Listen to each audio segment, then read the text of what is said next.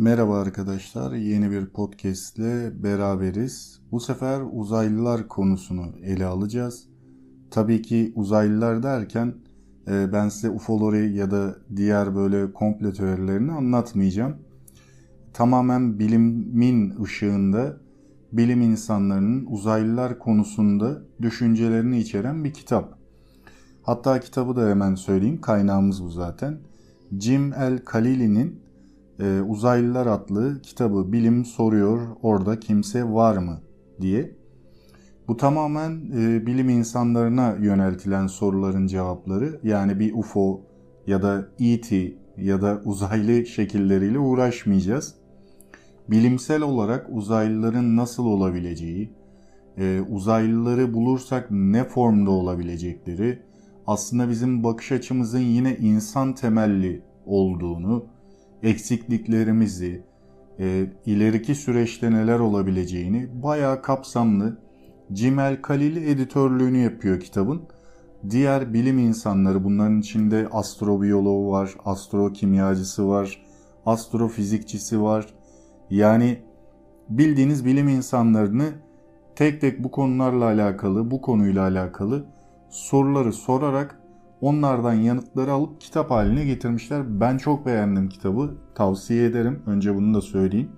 Çünkü içerisinde her bilim insanının düşüncesi ya da bu konu hakkındaki çalışmalarını irdelemiş e, ve bilgi vermiş. O yönden bence başarılı bir kitap olmuş. Tavsiye ederim. Yine kendi notlarım var. Oralardan yine e, değineceğim, konuşacağız.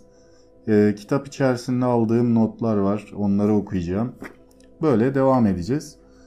Fazla uzatmayayım. Hemen başlayalım. E, ilk sorulan kişi Martin Reyes. İngiltereli bir bilim insanı bu da. Yanılmıyorsam teorik fizikçi olması lazım. Onda aldığım kısmı okuyayım hemen size. Uzay çağının gelişiyle ayaklarımız yere bastı. Yemyeşil, tropik bir bataklık dünyası olduğu düşünülen bulutlarla kaplı Venüs'ün ezici, zehirli bir cehennem çukuru olduğu anlaşıldı. Merkür ise çiçek bozuğu, çehreli bir kayadan ibaretti. NASA'nın Curiosity sondası ve öncülleri Mars'ın güneş sisteminde dünyaya en çok benzeyen cisim olmakla birlikte incecik atmosfere sahip donmuş bir çöl olduğunu ortaya çıkardı. Jüpiter'in uydusu Europa'da ya da Satürn'ün uydusu Enceladus'ta buzların altında yüzen yaratıklar olabilir fakat hiç kimse iyimser değil. Dünyadan uzakta güneş sisteminin herhangi bir yerinde gelişmiş yaşama rastlama beklentisi kesinlikle yok. Bununla beraber kendi güneş sistemimizden öteye herhangi bir sonlamızın bugün ulaşabileceğinden daha uzaklara baktığımızda umutlarımız artabilir görünüyor. Artık çoğu yıldızın yörüngesinde kendi gezegenlerinin döndüğünü olanca açıklığıyla biliyoruz ki Guardiano Bruno bunu daha 16. yüzyılda öne sürmüştü. 1940'lardan başlayarak gökbilimciler onun haklı olduğundan şüphelenmeye başladılar.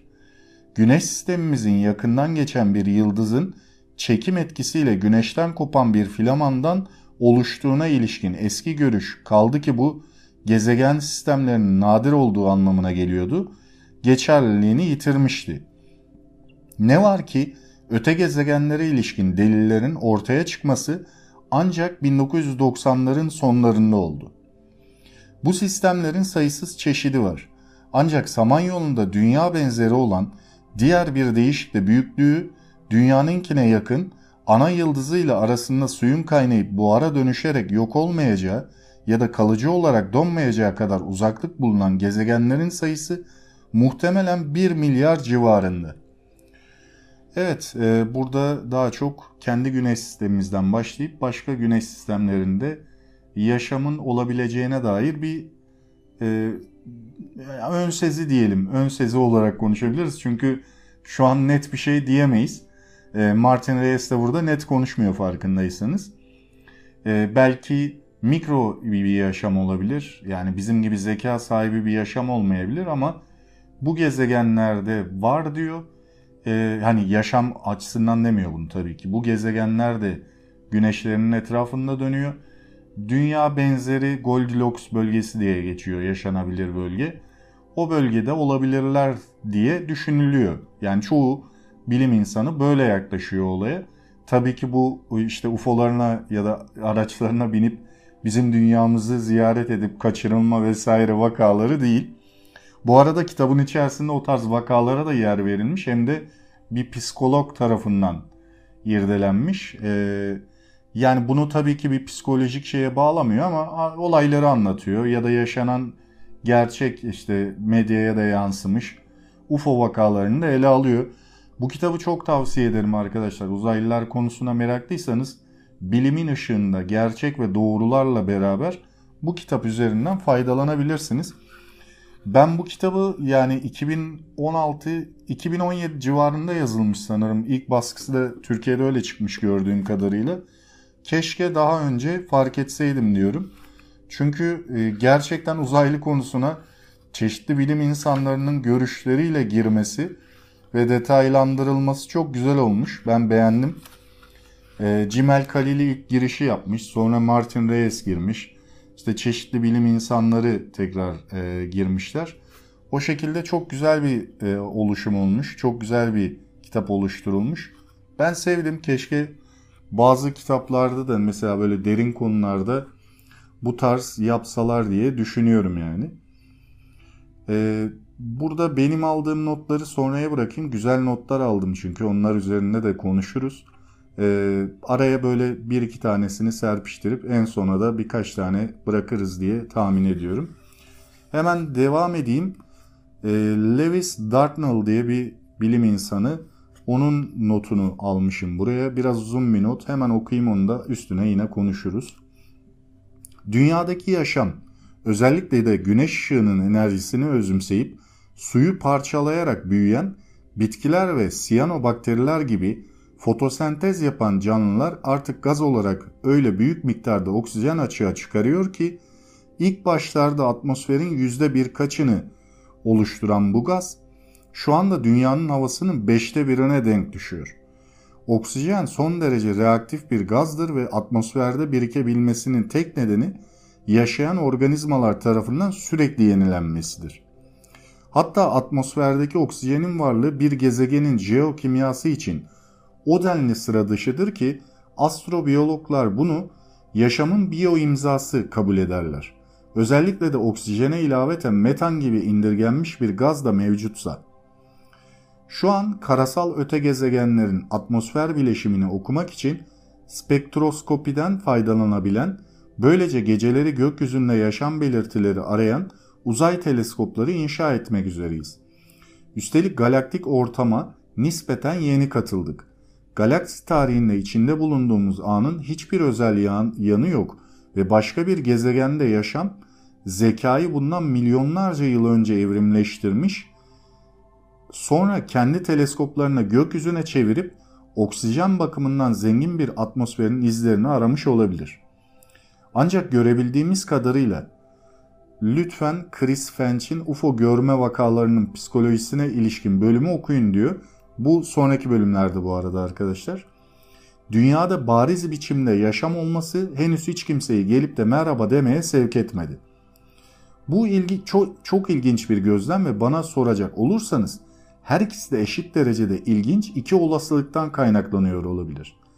Dünyanın oksijen bakımından zengin atmosferinin hiç kimsenin ilgisini çekmemiş olmasının nedeni belki de yaşamın çok ender görülmesi, o yüzden de galakside ilgisini çekebileceğimiz başka hiçbir uygarlığın bulunmaması.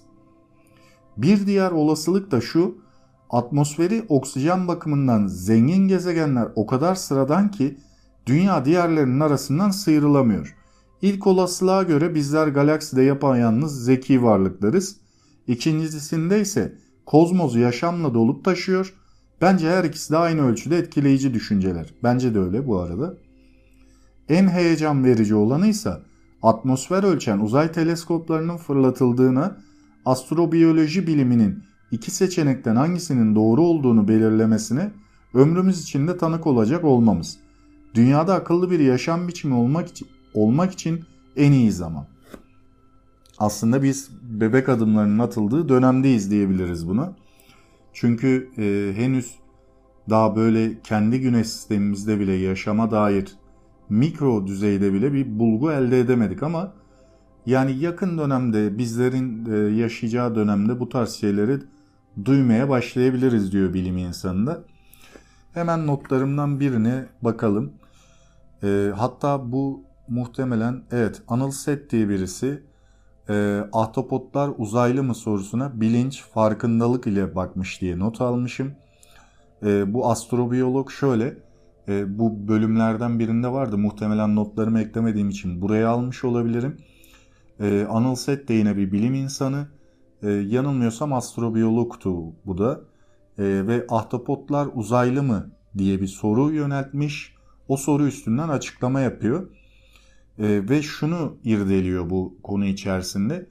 As, yani ahtapotlar e, bir nevi bilinç ve farkındalık kısmında ne kadar yeterli olduğunu yani bir insan kadar yeterli mi ya da neyi fark edebiliyor, ne tepki verebiliyor bunları incelemiş.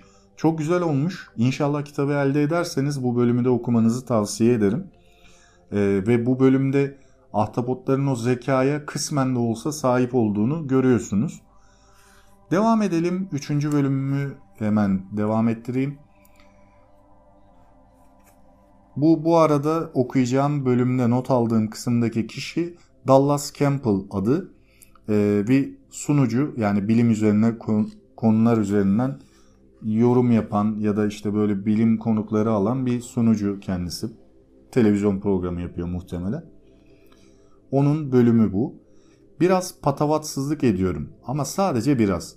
İnsanoğlunun beyni öyle güçlü ve gerçeklerin, kurgunun, yanılgıların yanılma paylarının oluşturduğu Gordiyon düğümünü çözmeye kalkışan UFO araştırmasının görevi öyle zor ki UFO'lara ister inanın, ister kuşkuyla yaklaşın, ister inanmak isteyenlerden olun, UFO kültürünün içine çekilmek çok kolay ve eğlenceli. Çünkü komşuların geçerken bize şöyle bir uğraması fikri gayet makul geliyor. Sonuçta dünya merkezli insan uygarlıklarının birbirleriyle ilk kez karşılaşması tarihte tekrarlanan güçlü temellerden biri ve uzayın başka zeki varlıkları barındırabilecek kadar geniş olduğunu biliyoruz. Elbette bilgiçlik taslayanlar hemen UFO'nun U harfinin uzaylıdan değil tanımlanmamış sözcüğünün İngilizcesinden undefined diye geçiyor. Geldiğini söyleyeceklerdir. Ama biraz biz geri kalanlar için UFO terimi dünya dışı yaşam hipoteziyle ayrılamayacak kadar iç içe geçmiştir. Dünya dışı yaşam hipotezine göre tanımlanamayan uçan nesleri açıklamanın en iyi yolu uzaylıların varlığıdır. Tıpkı diğer olağanüstü açıklamalarla olduğu gibi karanlık bir kış gecesi gıcırtılı ve eski bir evde hayalet öyküsü dinlerken huzursuz edici ürpertiye kapılmak için hayaletlere inanmanız gerekmez. The Flying Saucer Are Real kitabında Amerikalı gazeteci Donald Cahoe 1940'ların sonundaki uçan daire furyasını araştırmış, dünyanın kesinlikle uzaylı uygarlıklar tarafından gözlemlenip ziyaret edildiği sonucuna varmıştı. Ne var ki ufoloji, bu olgunun incelenmesi kesin bir bilim değil lafının bizzat tanımıdır. Böylesi fikirleri körükleyen bunca kişi için albenili kılan da o daimi belirsizliğin bir nebze inanılırlıkla bir tutam paranoyayla karışmasıdır. Hükümet yetkililerinin resmi inkarı ya da kuşkucuların şüphe dolu sorgulamaları ise örtbas etme çabasının kamuoyunun gözünü boyama girişiminin kanıtlarıdır. Yazar Jonathan Swift'in dediği gibi insan akıl yürütmeksizin edindiği yanlış fikri akıl yürütme ile asla düzeltemez. Yani burada biraz evet size muallak bıraktı değil mi bu sözler? Çünkü neden? Ee, UFO'la, UFO olayına biraz daha farklı bir yaklaşımla bakıyor bu. Ee, sizi de muallaka düşürüyor. Acaba UFO'lar vardı da hakikaten burada ya, bahsettiği gibi çok önceden ziyaret etmiş olabilir mi? İşte bütün şey burada başlıyor zaten e, şu anki süreçte bizim inceleyebildiğimiz arkeolojik kazılarda buna dair bir iz yok. E, sadece işte Sümerlerin belki mutlaka bu şeyi dinlerseniz yani bu benim podcastlerime denk geldiğinizde dinlerseniz eğer diğer e, YouTuber'lar olsun, çeşitli insanlar olsun e, Sümerlerin bu e, yazıtlarında işte helikoptere benzeyen şekiller vesaire gibi böyle uzaylıların varlığına ilişkin şeyler gördüklerini söylüyorlar. Yani buna benzeyen şekiller görülüyor. İşte bu uzaylı ziyaretlerine çıkıyor gibi düşünüyorlar. Ama bu bence biraz paraidolia denen e, böyle şekilleri benzetme gibi bir olaya benziyor.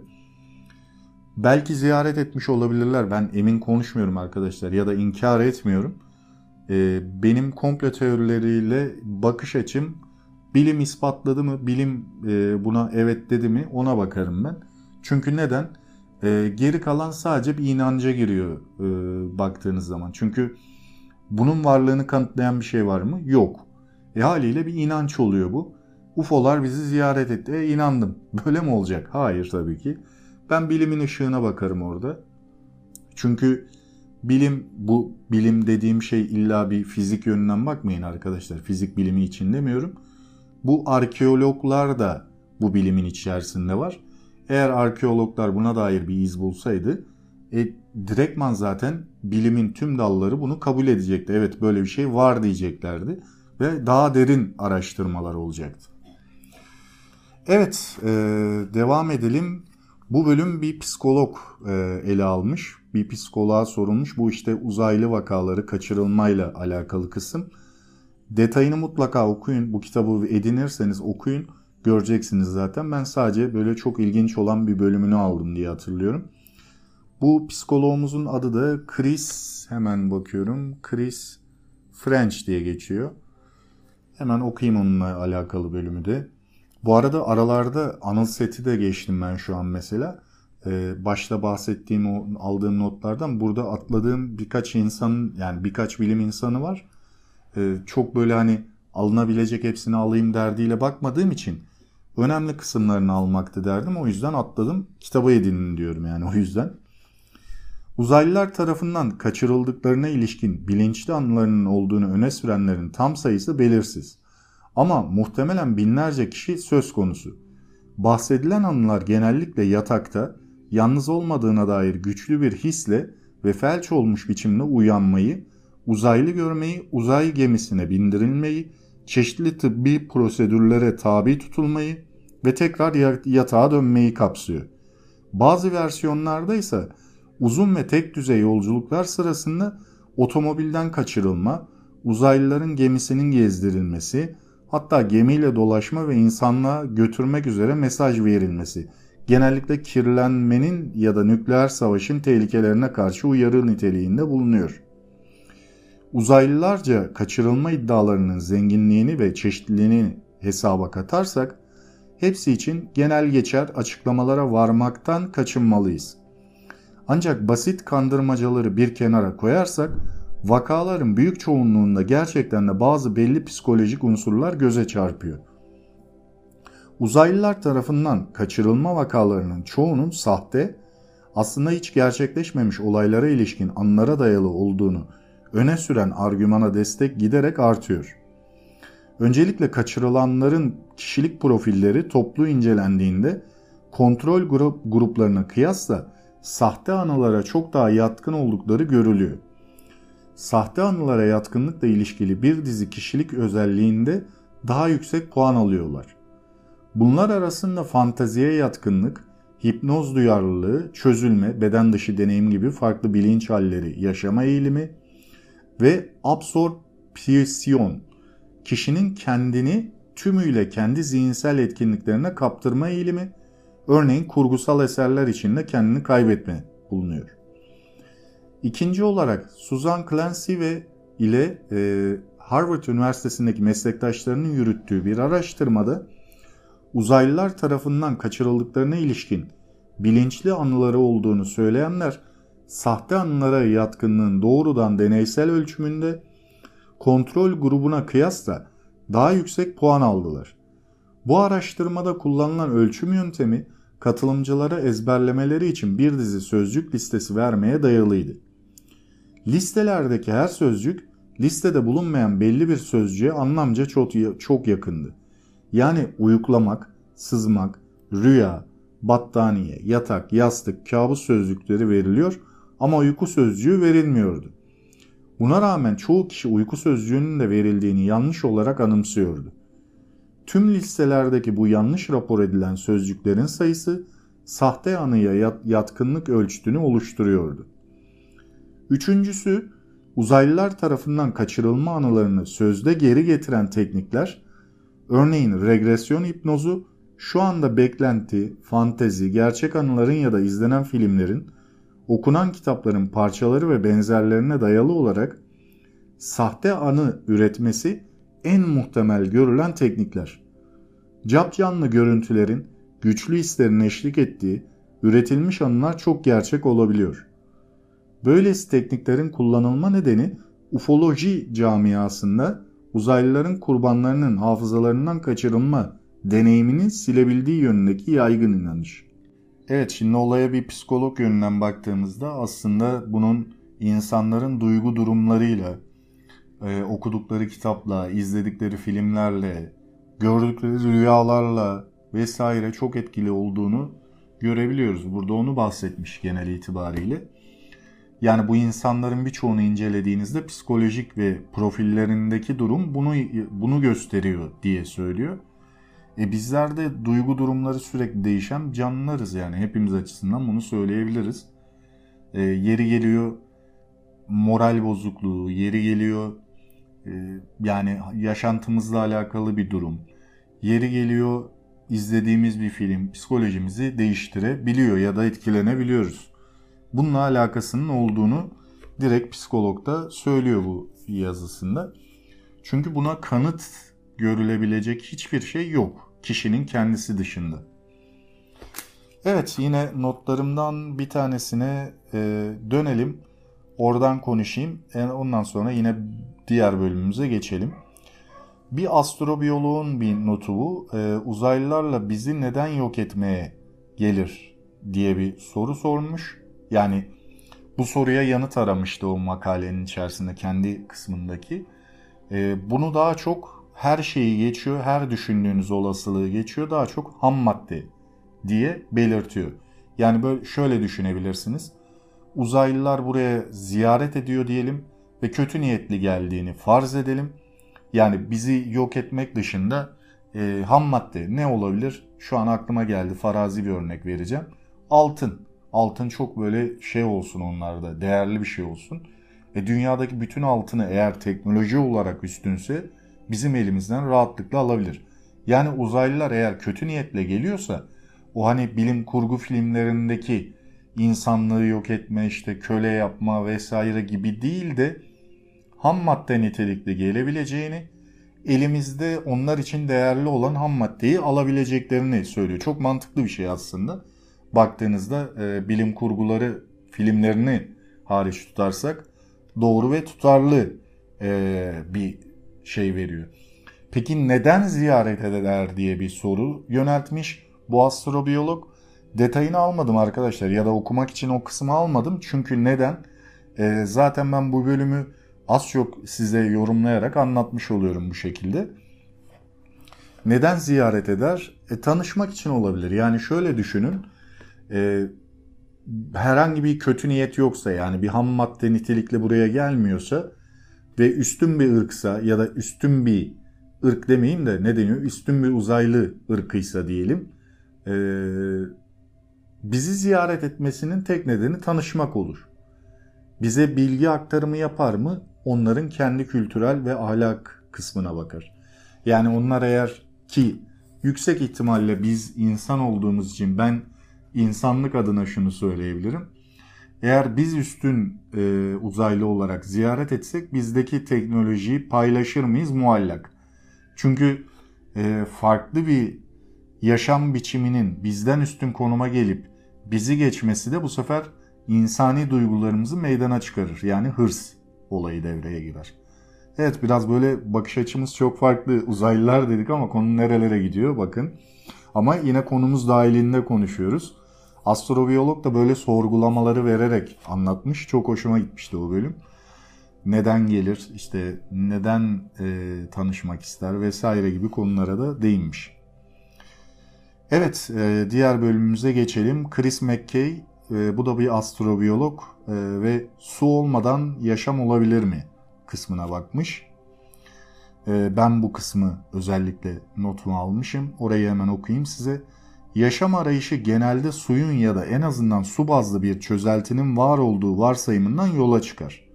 Ne var ki Satürn'ün en büyük uydusu Titan'ın büyük oranda azot ve metanın yanı sıra daha birçok organik molekül içeren kalın bir atmosferi var. Yüzey basıncı dünyadaki su seviyesinin basıncının bir buçuk katıdır. Yüzeydeki sıcaklık eksi 180 dereceye yakındır ki bu suyun sıvı halde kalamayacağı kadar soğuk olsa da atmosferdeki metanı sıvılaştırmaya yeterlidir. Titan yaşamın sıvı halde su gerektirdiği varsayımımızı zorluyor.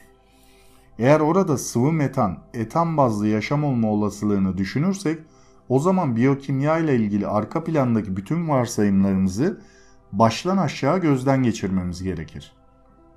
Çünkü dünyadaki yaşamın biyokimyası suyun özelliklerine hassasiyetle uyumludur. Titan'ın atmosferindeki organik materyal yaşam için potansiyel kimyasal enerji kaynağıdır. Yüzeydeki sıvı metansa alternatif bir yaşam türü için gereken sıvı ortamı oluşturabilir. Sıvı metan soğuktur ve suyla kıyaslandığında iyi bir çözücü de değildir.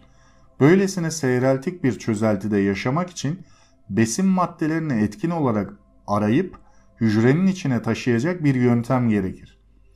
Böylesi hücreler besinin toplanabileceği yüzey alanını azamileştirmek için koca kağıt tabakaları biçiminde olabilir. Enzimler gereken tepkimeleri düşük sıcaklıkta bile hızlandırabilir. Titan'daki sıvı metanda karbon bazlı yaşam varsa bu yaşam yaygın olabilir ve atmosferde küresel etkisi bulunabilir. Titan'daki yaşamın kullanması en olası kimyasal enerji hidrojenin muhtemelen asitilenle birlikte tüketilmesini gerektirecektir. Dolayısıyla atmosferde yüzeye yakın kısımda hidrojen noksanlığı Titan'daki yaşamın en kolay gözlemlenen etkisi olabilir. Ee, biliyorsunuz arkadaşlar bu Satürn'ün uydusu Titan'da e, daha çok metan üzerine bir gezegen bu. E, sıvı metan okyanusları var orada. E, bunda yine gönderdiğimiz uzay, uzay araçlarının çektiği fotoğraflar ve çeşitli incelemelerle edindik. E, haliyle böyle etanın fazla olduğu, metanın pardon, e, metanın fazla olduğu bir yerde yaşam olasılığı da olabilir gözüyle bakıyorlar Titan'a. E, yani o yüzden de burada ele alınmış astrobiyolog tarafından en yakın hani gezegensel kısımlarda en yakın yaşam olasılığı bulunan gezegenlerimizden ya pardon uydulardan birisi diye düşünülüyor. Europa, Titan, Enceladus en çok ele alınanlar. E, Titan'ı da burada metan yönünden ele almış durumda. Evet, e, diğer bölümümüze hemen geçelim hızlıca. Çünkü notlarım 12 tane arkadaşlar. Bu 6. notu okuyacağım şimdi size. Üzerine yine konuşuruz. E, notlarımdan, kendi aldığım notlarımdan da yine devam etmiş olacağız. Sona bırakıyorum genellikle onları. Daha detaylı konuşabilelim diye. 6. bölümde Monica Grady uzay bilimci arkadaşlar bu da. Mars'ta yaşam kanıtı var mı? Nasıl kanıtlar aramalıyız diye bir başlığını not almışım. Daha doğrusu kitap içerisinde okuyacağım kısmı o. Şu ana kadar Mars'a inen ya da gezegen yörüngesinde dönen uzay araçlarının hiçbiri yaşama benzer bir şey gözlemleyemedi. 1976-77 tarihli iki Viking iniş aracında biyolojik etkinliği test etmek üzere deneyler vardı. Ancak bu aygıtların elde ettiği sonuçlar muğlaktı. Bu kısmen aldıkları örneklerin gezegenin yüzeyine ait olması ve güneşin mor ötesi radyasyonunun muhtemelen toprağın en üst birkaç milimetresindeki tüm organik bileşikleri ortadan kaldırması yüzündendi. Organik bileşikler yüzeyde yoksa daha derinlerde olabilir mi? Curiosity keşif aracı 7 santimetre derinliğe kadar sondaj yaptıysa da bu derinlik radyasyon etkileşim bölgesinin dışına çıkmaya yetmiyor. Buna rağmen organik moleküller saptandı. Yine de bu moleküllerin bizim araçlar kaynaklı bir bulaşma sonucu olup olmadığı tartışmalı. Mars organizmalarıyla ilgili alternatif bir bilgi kaynağı da Mars göktaşlarının analizidir. Bunlar da, da organik türlere rastlandı ancak dünya kaynaklı bulaşma olasılığı tümüyle elenemedi. Kısacası Mars'ta oraya özgü organik materyallerin var olup olmadığı henüz kesin olarak bilinmiyor. Peki başka ne tür hayat belirtileri aramalıyız? Dünyada giderek artan karmaşıklıktaki fosiller, bitki ve hayvan yaşamını basit mikroorganizmalardan başlayıp son derece uzmanlaşmış çok hücreli türlere kadar takip etme olanağı sunuyor. Mars'ta fosil kanıtı aramakta aramaksa neredeyse olanaksız.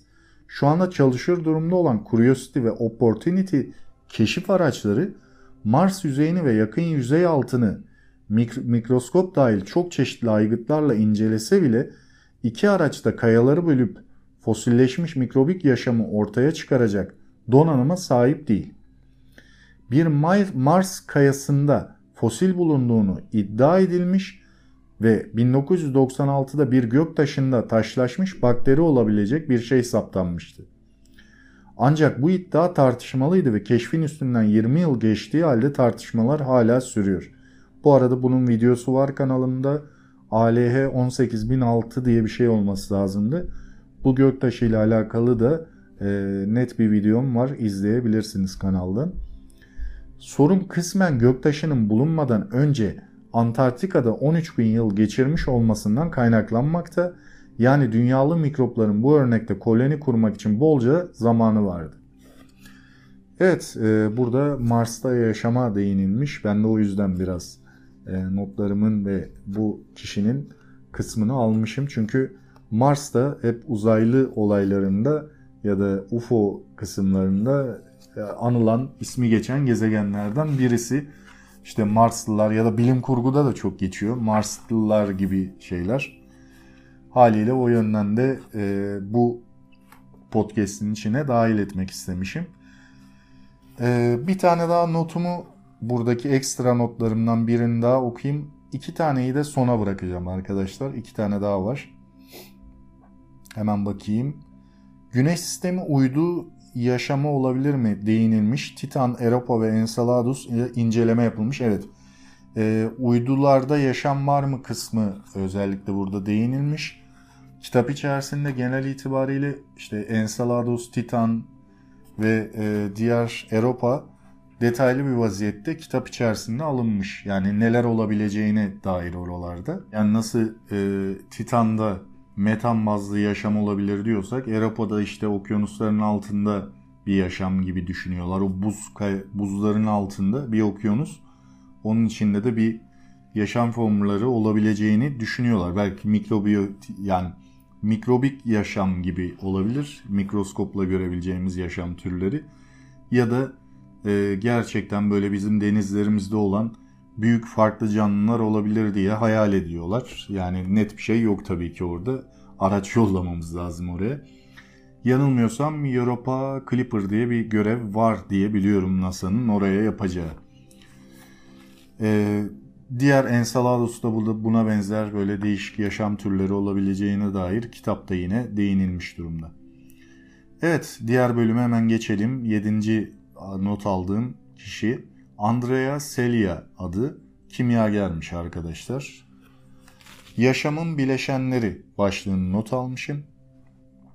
Kimyanın yaşama yol açabilecek türden bir karmaşıklığı destekleyecek yönleri olduğunu zaten gördük. Peki acaba başka ne gerekiyor? Karmaşık yaşam moleküllerinin oluşması için elzem temel kimyasal bileşenler var mı?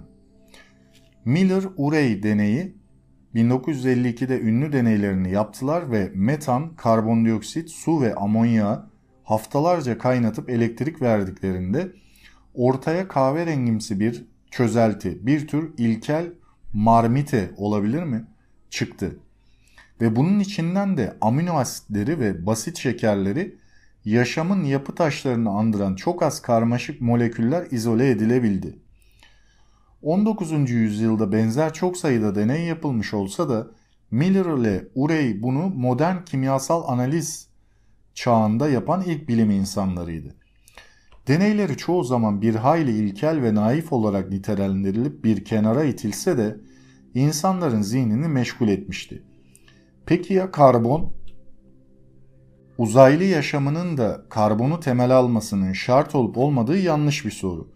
Organik ve inorganik kimya fikri cansız nesneyi adına yaşam dediğimiz şeyle donatmak için özel bir kıvılcımın yaşam gücünün gerektiğini düşündüğümüz zamanlara dayanıyor.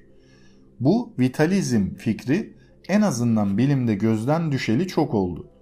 Günümüzde ise organik ve inorganik kimya terimleri bize yardım ettikleri kadar köstekte oluyor. Yani karbon yaşamın biricik elementi değil, dünyadaki yaşam için elzem olduğunu bildiğimiz 40 civarı elementten sadece biri o kadar. Onu önem bakımından diğer tüm yaşam elementlerinden üstün kılan suyun sıvı kaldığı sıcaklık aralığında sağlam enerji ve kimyasal bilgi deposu olarak kullanılabilecek moleküller oluşturmaktaki hüneri. Ne var ki kimya 20. ve 21. yüzyıllarda ilerledikçe fosfor ve silikon gibi elementlerin de paralel kimyasal özellikleri olduğunu öğrendik. Evet arkadaşlar aslında yaşamın karbon temeline çok odaklandığımızı aslında farklı elementlerin de e, sahneye girebileceğini net bir şekilde ifade etmiş kimyager. Hatta şunu söylemiş silikon ya da diğer e, verdiği örnek gibi farklı yaşam temelleri ve elementler de değerli ve bakarken bunları da incelememiz gerektiğine değinmiş. Yani dediğim gibi kitap aslında böyle hep kimyager, fizikçi vesaire yani bilim insanlarından oluşan bir harman gibi olmuş. Ve uzaylılar konusuna e, hakikaten gerçekler üzerinden şu an ulaştığımız nokta ve neler olabileceğini değinerek devam etmiş. O yüzden çok güzel bir kitap olmuş diyorum. E, ama tabii dediğim gibi bizim ülkemize, dilimize çevrilmesi vesaire 2017'de çıkması o dönemki teknolojik bilgilerle şu an daha da e, fazla şey yaptık. Mesela burada bahsedilmiyor. James Webb kısmen de olsa bahsediliyor ama daha yollanmamış durumda. 2018'de gönderilecek deniyor. Halbuki 2020 idi. Pardon. 2022 olması lazım. Geçen senelerde falan gönderildi. E, baktığımızda değerli bir cihaz. E, yeni yeni kullanmaya başladık. Veya işte e, onun harici başka teleskoplar da gönderildi. Burada adları geçiyor ama ben okurken denk gelmiştim. E, bunlar zaten yollandı yani ama tabi tabi burada daha yollanacak diye bahsediliyor. O yüzden geri kalıyor ama e, kitabı böyle eski diye düşünmeyin. Mutlaka okuyun arkadaşlar. Size bilimin ışığında uzaylıları anlatıyor. Ona emin olun yani. Evet e, devam edelim. Bir sonraki bölümde bu arada ses kitaptan geldi arkadaşlar.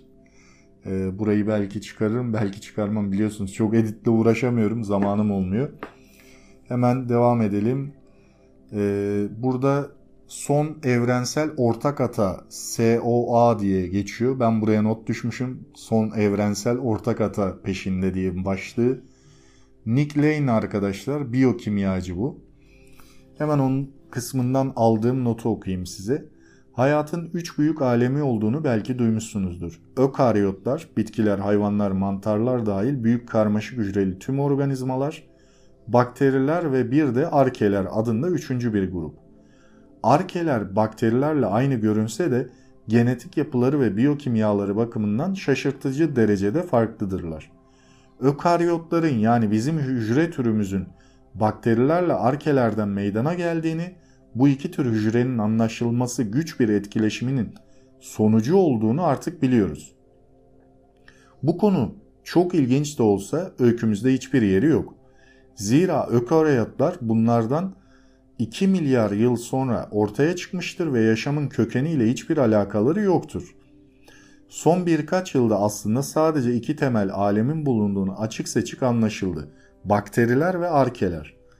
İkisi de tek hücreli organizmalardan oluşmuş genetik bakımından farklı gruplardır. Biyokimyasal karmaşıklıkları bakımından büyüleci olsalar da morfolojik karmaşıklıkları çok kısıtlıdır.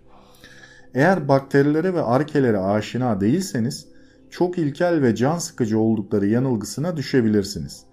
Bilakis dünyadaki yaşamın ilk 3 milyar yılına onlar hakimdi ve kendi aralarında en temel biyokimyasal süreçleri fotosentezden azot bağlanmasından solunuma kadar onlar icat ettiler. Bugün bile onlarsız yaşayamayız.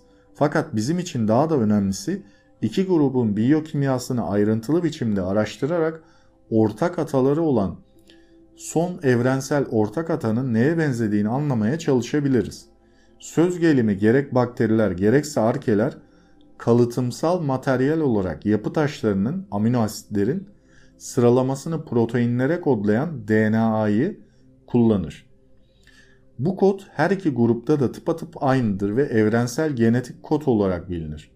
Buradan da son evrensel ortak atanın genetik koda DNA'ya ve proteinlere zaten sahip olduğu çıkarımına varabiliriz. Evet son evrensel ortak atanın ne biçimde olabileceğini burada e, değinmiş biyokimyacı. E, buradan çıkarım da şunu yapabiliyoruz. Yani mikro bir yaşam türüyle başlamışız gibi bir çıkarım olabilir. Çünkü e, yaşamın ilk başlangıcı bilimin ışığında baktığınızda e, mikrobiyota gibi yani mikrop tarzı, bakteri tarzı arkelerden meydana geldiğini düşünüyor. E, bu suda da olabilir, toprakta da olabilir. Orası da daha net değil. E, bunların birleşimi ve DNA'yı ve RNA'yı vesaireyi oluşturmasıyla gelişen bir karmaşık süreç diyeyim arkadaşlar. Çünkü ben de çok biyokimyacı değilim size açıklayamadım ama burada e, bu kitapta kısmen de olsa hani çok detaylı değil buradaki açıklamada ama bahsediyor, giriyor yani o kısma. Evet, e, devam edelim. 9. bölümdeyiz arkadaşlar. E, genetikçi McFadden, John Joe McFadden adlı bilim insanının kısmına geldik. Hemen orayı da okuyayım, üzerine yine kısaca konuşuruz. Kuantum bilgisayarın özelliği çok zor problemleri çözmek için az sayıda parçacık kullanmasıdır. Geleneksel hesaplamadaki bitin yerine kuantum dünyasındaki kuantum biti yani kubit alır. Kubit bir parçacığın aynı anda iki pozisyonda iki farklı değerde olmasına hatta aynı anda iki yönde birden dönmesine karşılık gelen kuantum süperpozisyon fikrinden yararlanır. Bu tür kubitleri bir kuantum bilgisayarında arka arkaya dizerek aynı anda tüm 0 ve 1 dizilimlerinde olan nihai paralel işlemciye dönüştürebiliriz. İyi güzel ama bunun biyolojiyle ve kendini çoğaltan ilk yapıyla ne ilgisi var? Şu anda yaşamın kökeni sorunun en çok tutulan çözümü RNA, dünya hipotezi adını taşıyor. Bu senaryoya göre yaşayan hücreler kimyasal evrimin daha eski, daha basit bir aşamasından bugüne gelmiştir. Yani ilk kendini çoğaltıcı bir hücre değil, kendini çoğaltan bir kimyasal moleküldü. Söz konusu molekül bugün canlı hücrelerde kritik rol oynadığını bildiğimiz RNA adlı biyomolekülün daha basit haline benziyordu. Şimdiye kadar hiç kimse kendini çoğaltan bir molekül sentezleyemediyse de bunların birçoğu baz denilen yüz küsür kimyasal birimden oluşan görece basit yapılardır. Şimdi farz edelim ki dünyada 4 milyar yıl önceki makul ilksel çorbanın içinde çoğaltmak gibi sıra dışı bir özelliğe sahip 100 bazdan oluşmuş bir molekülümüz olsun, makul sözcüğünü gerekli kimyasal bileşenleri içeren anlamında kullanıyorum. Yaşamın kökenin üstesinden gelmesi gereken problem artık kendini çoğaltan bir hücre yapmaktan çok daha basit olacaktır. Tek yapması gereken ön çoğaltıcı molekülü inşa etmektir. Oradan sonrasında doğal seçilim işi devralabilir ve daha karmaşık canlıları evrimleştirebilir. Aslında burada diğer kimyacının bahsettiği olayın daha derinine inmiş olduk. Net bir bilgi vermiş oldu nasıl olabileceğine. Ee, tabii ki bunlar e, süreçleri bahsediyor bize. Yani bilimin bulabildiği e, ilk yaşam, son evrensel ortak atanın süreçlerini bahsediyor arkadaşlar. Nasıl bu insan ya da işte diğer canlı türlerine, dinozorlar da olabilir bu arada arkadaşlar. Onların nasıl evrildiğine e, değiniyor burada net bir şekilde. Evet e, devam edelim. 10. bölümdeyiz arkadaşlar ve zoolog Matev Kop adı. Zoolog ne alaka diyeceksiniz. O da bir sonuçta bilim insanı yani.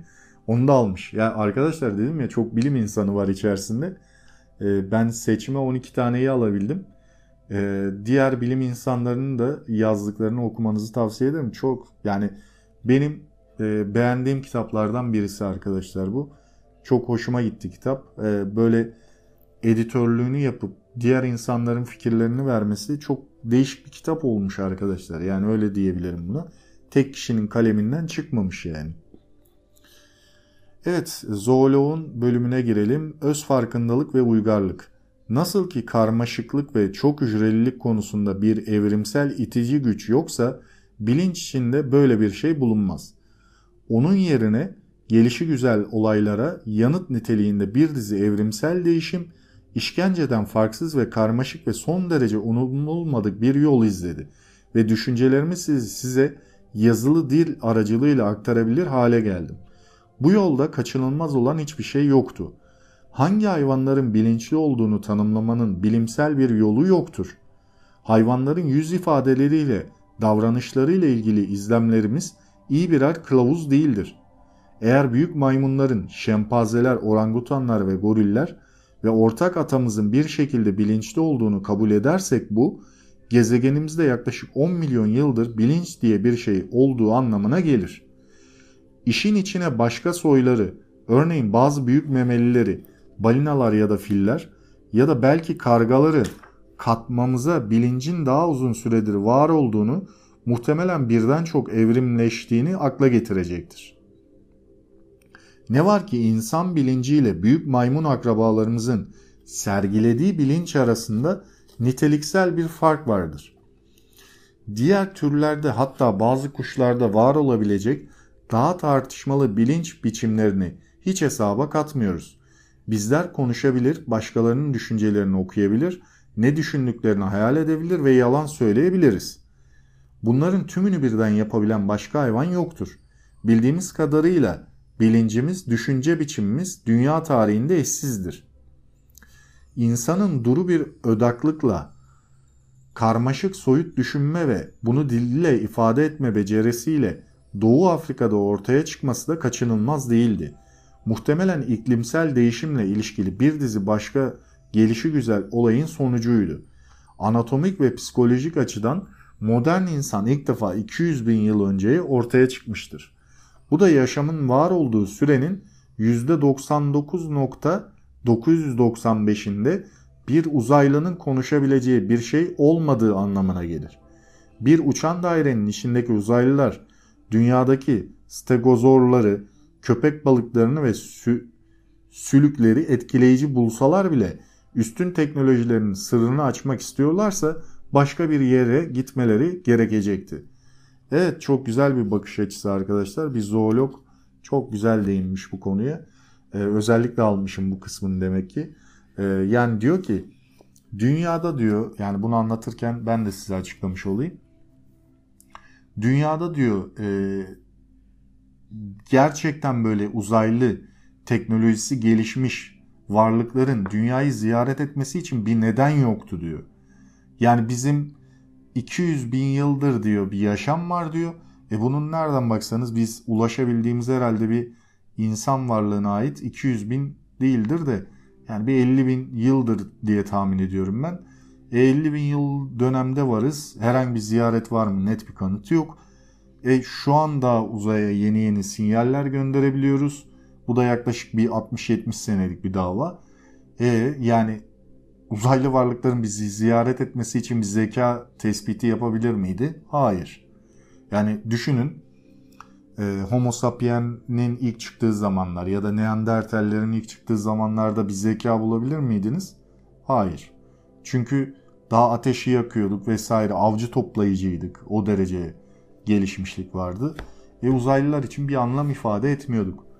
Yani baktılarsa bile arkadaşlar hadi diyelim ki o komple teorilerindeki gibi dünyayı ziyaret ettilerse bile değerli bir şey görememişlerdir arkadaşlar. Zeka yok çünkü. Yani var da e, ne diyeyim size Neandertallerin zekasıyla şu an modern insanın zekası bir mi? Hayır. Yani hadi ziyaret ettiğini varsayalım. Yine üzerine basarak söylüyorum. Sadece bakıp geçmelerine bir nedendir bu. Çünkü e, iletişim kuramayacak, anlaşamayacağız. Herhangi bir şeye yaramayacak. Şu an baktıklarında biraz daha ilkel de olsak, hala ilkel de olsak e, ziyaret ettiğini yine farz ederek söylüyorum. E, bir değer var gibi görebilirler. Yani iletişim kurulabilir cinsten görebilirler bizi. Bakın yine böyle şey diyorum yani bunu bir komple teorisi gibi ziyaret ettiler gibi demiyorum. Farz edersek diyorum üzerine basıyorum. Evet e, devam edelim. Zaten son kısımda bu konulara da tekrar değineceğim. Yine bir astrobiyolog e, kısmı. Natalie Cabrol adı. Sırada ne var? Kısmını not almışım.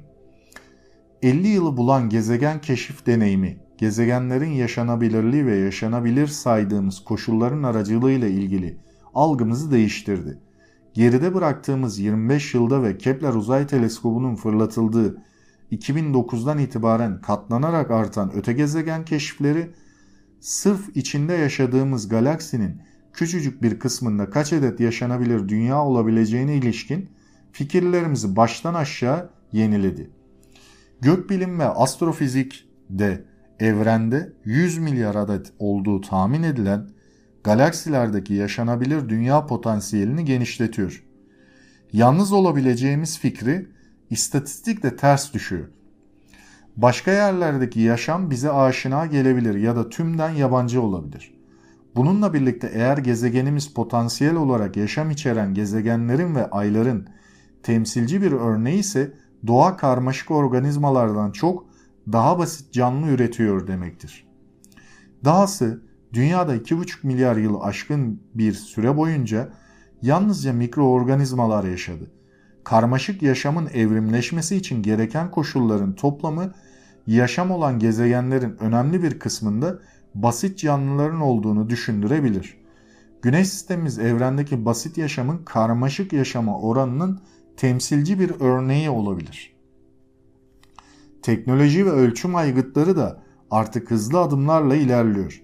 Yeni ve iddialı girişimler çok yakında öte gezegen arayışına yerden ve yörüngeden devam edecek. ExoMars ve Mars 2020 ilerleyen yıllarda Mars'taki erken yaşam izlerini arayacak. Bu arada bu ExoMars gitmedi diye biliyorum. Ee, Mars 2020 muhtemelen bu gönderilen e, neydi Perseverance denilen aracı tarif ediyor galiba. E, bakın yani kitabın eski hani çok eski değil ama eski bilgiye dayandığını da buradan görebilirsiniz. Yani Perseverance gitti zaten ulaştı. E, Mars 2020 de eski adı. Sonra Perseverance yapıldı. Bir de Ingenuity'di galiba. Helikopter gibi böyle ufak bir cihaz daha yolladık yanında. Onlar ulaştı. O doğru. ExoMars galiba iptal edildi diye hatırlıyorum. Ondan birkaç yıl sonra da Jüpiter'in buzlu uydusunun yaşanabilirliğini ve bioimza potansiyelini değerlendirmek üzere bir Europa görevi düzenlenecek. Bu da Europa Clipper olması lazım ondan bahsediyor. Yaşanabilirliği kanıtlamaktan yaşamın varlığını kesinleştirmeye nasıl geçeceğimizi iki önemli unsur belirleyecek. Bunlardan biri elbette yaşamın varlığı, diğeri ise yaşamın imzalarını tanıma becerimiz.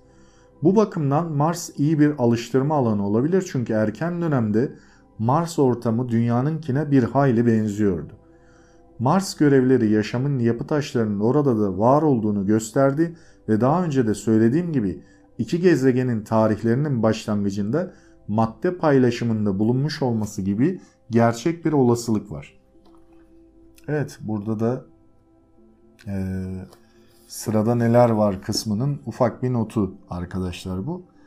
Güzel bir kısmını ele almışım onu da özellikle. E, burada görevler yönünden de bahsetmek amaçlı ele aldım.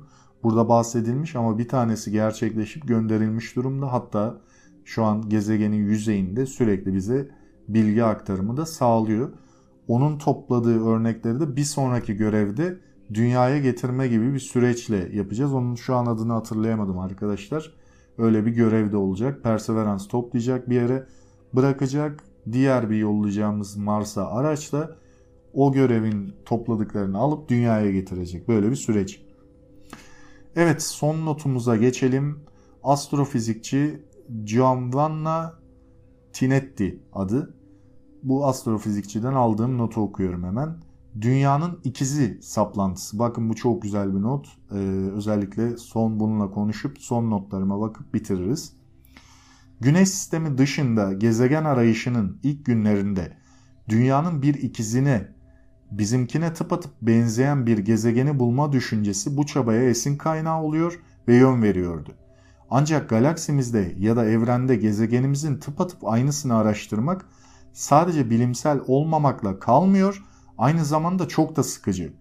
Dünyanın yaşanabilir gezegenlerin tek ve en ilginç örneği olduğu düşüncesi kibrin, parokyalizmin, çevreye sadece kendi bakış açısından bakmanın ve insan biçimliliğin bir harmanıdır. Kendimizi ve dünyamızı tam da Galileo'nun öncesinde yaptığımız gibi evrenin merkezinde görmektir. Bakın aynı yanılgıya düşüyoruz şu an. Onu demek istiyor. Ee, dünyanın hiçbir özel yanı yoktur. Dahası bugün bildiğimiz katı gezegenlere dair istatistikler bize adeta ufkumuzu genişletmemiz yönünde bir ikazda bulunmaktadır. Giovanna Tinetti çok güzel değinmiş arkadaşlar. Özellikle aldım bu notu. NASA'nın Kepler uydusu bundan 20 yıl önce güneş benzeri yıldızların etrafında dünyanın ikizlerini bulmak üzere tasarlanmıştı.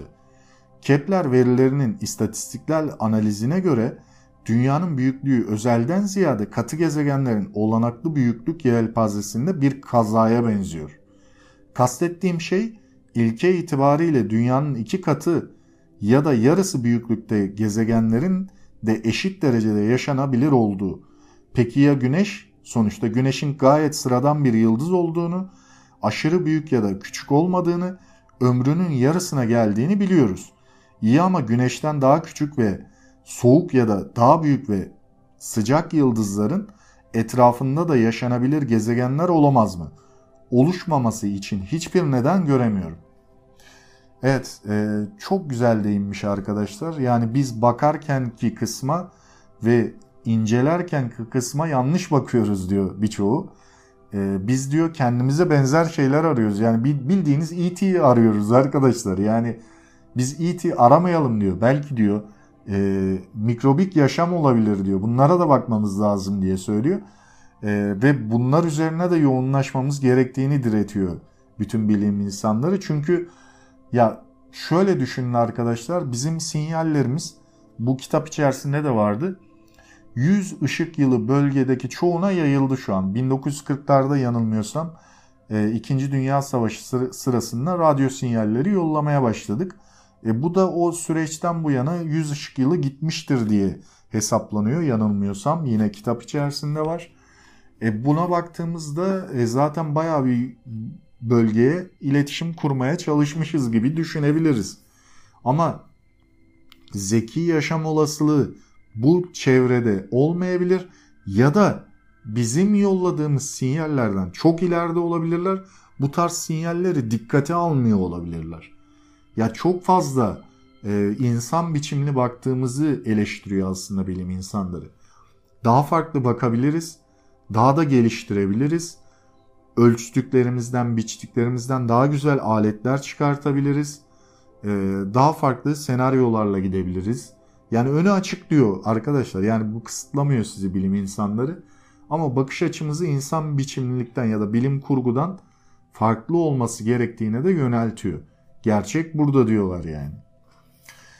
Evet, e, şimdi son iki notum kalmıştı. Hatta üç not diye e, geçelim. Ha yok birini okumuşum. iki tane var.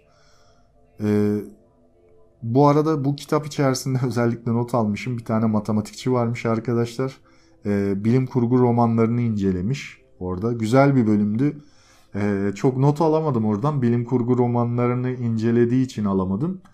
Ee, ama güzel olduğunu dile getirmek istemişim ki bu notlarıma düşmüşüm. Ee, kitap güzel arkadaşlar. Genel itibariyle güzel. Ama can alıcı noktalarını size söylemek amaçlı böyle bir not almışım. Diğer bir notum abiyogenez cansızdan canlı oluşumuna değinilmiş. Ökaryogenez çok hücreli canlılar ele alınmış arkadaşlar bu kitap içerisinde. Benim notlarımı almadığım kısımlarda bu tarz böyle ince bilgiler de var. Ee, özellikle bunları not almışım ki bu kitabın içerisinde bunlar da var demek için. Cimel Kalili kimdir diye söyleyeyim şimdi. Bu kitabın editörü aslında. Ee, ilk girişi de kendisi yapıyor. Ee, Cimel Kalil de bir teorik fizikçi. Ee, belgeselleri var arkadaşlar. Da Vinci Learning'deydi galiba birkaç belgeseli. BBC'de birkaç belgeseli var. Güzel belgeseller yapıyor. Kuantum fiziği ile alakalı belgeselleri de var. Yanılmıyorsam İranlı bir fizikçiydi. Hemen onu da netleştireyim. Ee, yazıyor mu? İngiliz Kraliyet Akademisi'nde bazı ödülleri var arkadaşlar ama İranlı diye hatırlıyorum. Net bir şey söylemeyeyim ama İran kökenli ee, bir bilim insanı. Ben kitabını çok beğendim. Uzaylılar konusuna özellikle bu UFO saçmalıklarına e, inanmamanız gerektiğine çok güzel bir e, yanıt kitabı olmuş arkadaşlar. Ya UFO saçmalığı dediğim hani UFO tanımlanmayan cisimler vesaire diye biz bahsederiz. Ben de öyle bahsediyorum arkadaşlar. E, bu UFO ziyaretleri o bu vesaire bunlar sadece spekülasyondan ibaret. İspatlanmadığı sürece sadece spekülasyon yapmış oluruz. E, bilimin ışığında bu olaylara bakmak her zaman doğru yoldur arkadaşlar. O yüzden kafanızı bu tarz şeylerle bulandırmayın. Bilimin gösterdiği yol, bu yollarla e, uzaylı varlığının nasıl olabileceğinizi, nasıl olabileceğini aslında bilim insanlarının da e, bakış açısının yine insan biçimli olduğunu kendilerini eleştiriyorlar bir nevi arkadaşlar yine. Biz insan biçimli bakıyoruz ama böyle bakmamamız lazım. Farklı şeyler de olabilir diyorlar. Ki böyle bir durumda kalkıp da spekülasyonlara maalesef inanıp da kendinizi beyninizi boş vakitle boş şeylerle öldürmeyin arkadaşlar. Ee, bu tarz kitapları tavsiye ederim. Bu konuya merakı olanlar özellikle bu uzaylılar kitabını okuyabilirler. E, Cimel Kalili'nin ben bir tane daha kitabını aldım. E, beğendiğim için inşallah o kitabı da bu şekilde e, cezbedici, güzeldir, güzel içeriklidir, sürükleyicidir diye düşünüyorum. Ben e, bu dediğim gibi belgesellerde gördüm bu bilim insanını. Daha sonra kitabı denk geldi. E, alayım dedim. İkinci kitabını da aldım. Birinci kitabı bitmiş oldu. Evet Arkadaşlar biliyorsunuz ben genellikle böyle podcastlerimi kitap üzerinden yapıyorum. Ee, ve yeri geliyor kelime sürçüyorum, ı, ö yapıyorum. Bunlara çok takılmıyorum. Ee, takılmamaya çalışıyorum çünkü ben e, editlerle uğraşmıyorum arkadaşlar. Editlerle uğraşırsam o ı, ı falan kısımları da yok ederim. Ama maalesef e, hayat bu. Hepimiz bir hayat yaşıyoruz farklı işte çalıştığım için ben bir bilim insanı da değilim. Sadece hobi, sevdiğim için kitap okumayı ve uzaya merakım olduğu için, bilime merakım olduğu için bu tarz kitapları da elde ediyorum ve sizlerle bu şekilde paylaşmaya çalışıyorum. Daha önce kanalımda denk geldiği için bahsediyorum özellikle bunu. Keşke okurken şöyle okusan, keşke o ö yapmasan, keşke takılmasan, vesaire gibi yorumlar geliyor. Yani şu an çok fazla almadım. Son dönemde çok yazan olmadı o konuda. Sağ olun hepinizden daha çok teşekkür yönlü oluyor. Ama eleştirilere de açığım zaten her zaman kendimi geliştirmek amaçlı. Ee, I, Ö bir şey değildir arkadaşlar. Bir ne denir? I, Ö yapmak bence hani yapılmaması gerekiyor ama ya çok böyle bir bilgi düzeyi ya da böyle bir alçaltıcı bir durum değil bu. Sonuçta ben sunucu değilim. E, bu YouTuber'lar içerisinde de böyle çok böyle e, sunucu tarzı olan insanlar değil ya da diyalog mu deniyor buna? E, kendini çok kitap okusan da bu şekilde ı ö yapabilirsin arada. Ama harici durumlarda da e, bu ı ö'leri azaltmak gerektiğini de biliyoruz. Tabi dedim ya bu ı ö'yü azaltamıyorsan bile getirir o podcast'i ya da videoyu editlersin o kısımları keser ı ösüz paylaşırsın. Ya da ben e, daha önceki eleştirilerde işte çok seri okumadığım ya da çok seri anlatmadığım yönünde almıştım. Şu an biraz daha seridir diye tahmin ediyorum. Bundan daha serisi şöyle olur arkadaşlar. Merhaba nasılsınız iyi misiniz vesaire gibi gider. Bu da çok şık olmaz. Sanki 2x 3x anlatıyor gibiyim. Onu da artık siz YouTube'un özelliğinden yaparsınız diye düşünüyorum. Evet e, bir podcast'in daha sonuna geldik arkadaşlar. E, bir saati de tamamlamışım. Şimdi süreye bakıyorum. E, bir kez ara verdim. Yarım saatte bir ara vererek tamamlamış oldum. Bu podcast'i de aynen böyle editlemeden muhtemelen vereceğim. Çünkü çok uğraşamıyorum maalesef. Okuduğum kitaplara da bir nevi böyle sizlere de aktarmış oluyorum kısa özet olarak. Ama vaktiniz varsa arkadaşlar ben her zaman bunu söylüyorum podcastlerimde. Okuduğum kitap hoşunuza gittiyse özeti mutlaka tamamını okuyun. Benim belki gözden kaçırdığım önemli yerleri sizler de keşfedebilirsiniz. Evet bir sonraki podcastimde görüşmek üzere. Hoşçakalın arkadaşlar.